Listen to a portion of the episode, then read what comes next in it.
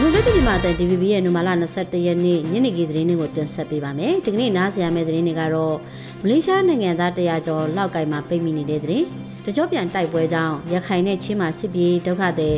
16000တိုးလာတဲ့သတင်းနဲ့ရှမ်းပြည်ကိုကန့်ဒီမိုကရက်တစ်ပါတီဖျက်သိမ်းခံခဲ့ရတဲ့သတင်းကိုနားဆင်ရမှာဖြစ်ပါတယ်။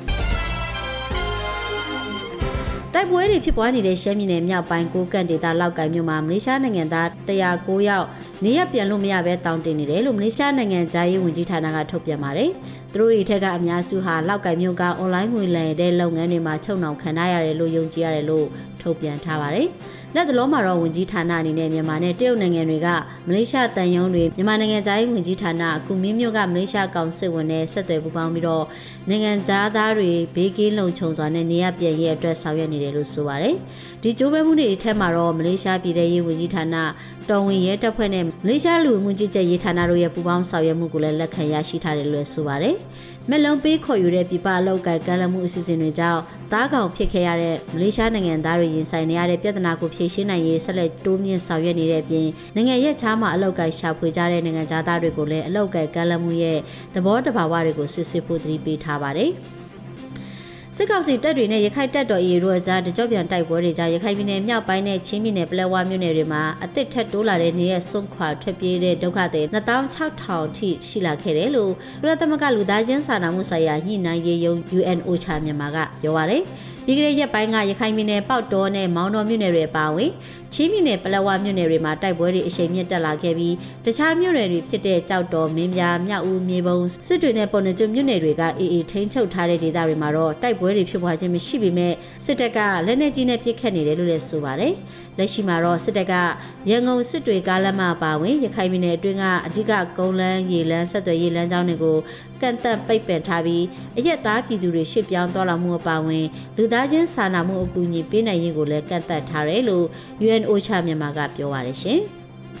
ရှမ်းပြည်ကိုကန့်ဒီမိုကရက်တစ်ပါတီကိုနိုင်ငံရေးပါတီအဖြစ်မှတ်ပုံတင်ခွင့်ပြုထားတာကနေပယ်ဖျက်ပြီးပါတီကိုဖျက်သိမ်းလိုက်တယ်လို့စစ်ကောင်စီဩဇာခံပြည်ထောင်စုရွေးကောက်ပွဲကော်မရှင်ကနွေမာလ20ရက်နေ့မှာကြေညာပါတယ်။ရှမ်းပြည်ကိုကန့်ဒီမိုကရက်တစ်ပါတီနိုင်ငံရေးပါတီမှတ်ပုံတင်ခြင်းဥပဒေပုံမှန်9စနဲ့ညီနိုင်ငံရေးပါတီအဖြစ်မှတ်ပုံတင်ခွင့်ပြုတဲ့2023မေလ30ရက်နေ့ကနေဩဂုတ်လ29ရက်နေ့ထိရက်ပေါင်း90အတွင်းပါတီဝင်ဥယျာဉ်အနည်းဆုံး1000ကိုဥပဒေသတ်မှတ်ချက်အတိုင်းစီရင်မှုမပြုနိုင်ခဲ့ဘူးလို့ကော်မရှင်ကအကြောင်းပြန်ပါတယ်။ဒါအပြင်ပါတီဝင်အားပြည့်မီ ရေးအတွက်အော်တိုဝါလာ30ရက်နေ့နောက်ဆုံးထားပြန်လည်တင်ပြဖို့အကြောင်းကြားခဲ့ပေမဲ့တမက်ချက်နဲ့ကိုက်ညီတဲ့အင်အားစီးရင်တင်ပြနိုင်မှုမရှိတာကိုစစ်စစ်တွေ့ရှိခဲ့ရလို့နွေမာလာ20ရက်နေ့ကကျင်းပတဲ့ကော်မရှင်အစည်းအဝေးမှာပါတီကိုဖျက်သိမ်းမှုဆုံးဖြတ်ခဲ့တာလို့ကော်မရှင်ဥက္ကဋ္ဌကထုတ်ပြန်ကြေညာချက်မှာဖော်ပြပါရတယ်။ရှမ်းပြည်မြောက်ပိုင်းကိုကန့်ဒေသမှာတိုက်ပွဲတွေပြင်းထန်စွာဖြစ်ပွားနေတဲ့အချိန်မှာကိုကန့်နိုင်ငံရေးပါတီတစ်ခုကိုဖျက်သိမ်းလိုက်တာဖြစ်ပါတယ်။မှတ်ပုံတင်လျှောက်ထားတဲ့ခေတ်သစ်ပြည်သူ့ပါတီနဲ့လေဘာပါတီတို့ကိုတော့နိုင်ငံရေးပါတီအဖြစ်မှတ်ပုံတင်ခွင့်ပြုလိုက်တယ်လို့ကော်မရှင်ကနွေမာလာ20ရက်နေ့နေ့စွဲနဲ့ပဲတီးခြားထုတ်ပြန်ထားပါတယ်ရှင်။ထိုင်းနိုင်ငံမှာအပြစ်ဒဏ်မျိုးမျိုးနဲ့အကျဉ်းချခံရပြီးလူရက်စေသွားတဲ့မြန်မာနိုင်ငံသား80ကိုရနောင်းခရိုင်လူမှုကြီးကြပ်ရေးရဲတပ်ဖွဲ့ကတင်းတိုင်တိုင်းကော့တောင်းခရိုင်မြန်မာနာပိုင်တွေလက်ထက်ကိုຫນွေမာလာ20ရက်နေ့ကလွှဲပြောင်းပေးအပ်ခဲ့ပါတယ်။သူတို့တွေဟာထိုင်းတောင်ပိုင်း14ခရိုင်ရှိအကျဉ်းထောင်တည်တည်မှာပြည်ထန်ကြခံခဲ့ရတာဖြစ်ပြီးကြီးကြီးမားမားရာဇဝတ်မှုမဟုတ်ပဲတရားမဝင်တဲ့ဆက်ဖြတ်ကြော်မှုအလုတ်သမားဥပဒေနဲ့မညီညွတ်မှုစတဲ့အမှုတွေသာဖြစ်တယ်လို့ ပြည်တော်ပြန်အလုပ်သမားတွေကိုကူညီဆောင်ရွက်ပေးနေတဲ့ကော့တောင်းခြေဆက် MWRC ရွှေပြောင်းအလုပ်သမားအရင်းမြစ်စင်တာမန်နေဂျာဦးမိုးဝေက DVB ကိုပြောပါတယ်အသက်မပြည့်သေးတဲ့ကလေးတွေကသူတို့မိဘတွေနဲ့အတူထောင်ကျခံရတဲ့အသက်မပြည့်သေးတဲ့ကလေးတွေလည်းပါဝင်ပါတယ်အခုလိုလွတ်ရက်စစ်အလုပ်သမားတွေကိုပြန်ပို့ရမှာအရင်ကတလကိုနှစ်ကြိမ်တစ်ကြိမ်ကိုလူပေါင်း100ရှိပြီးရနောင်းလဝကအကျဉ်းထောင်မှာလူတွေစုပြုံနေတက်ပါတယ်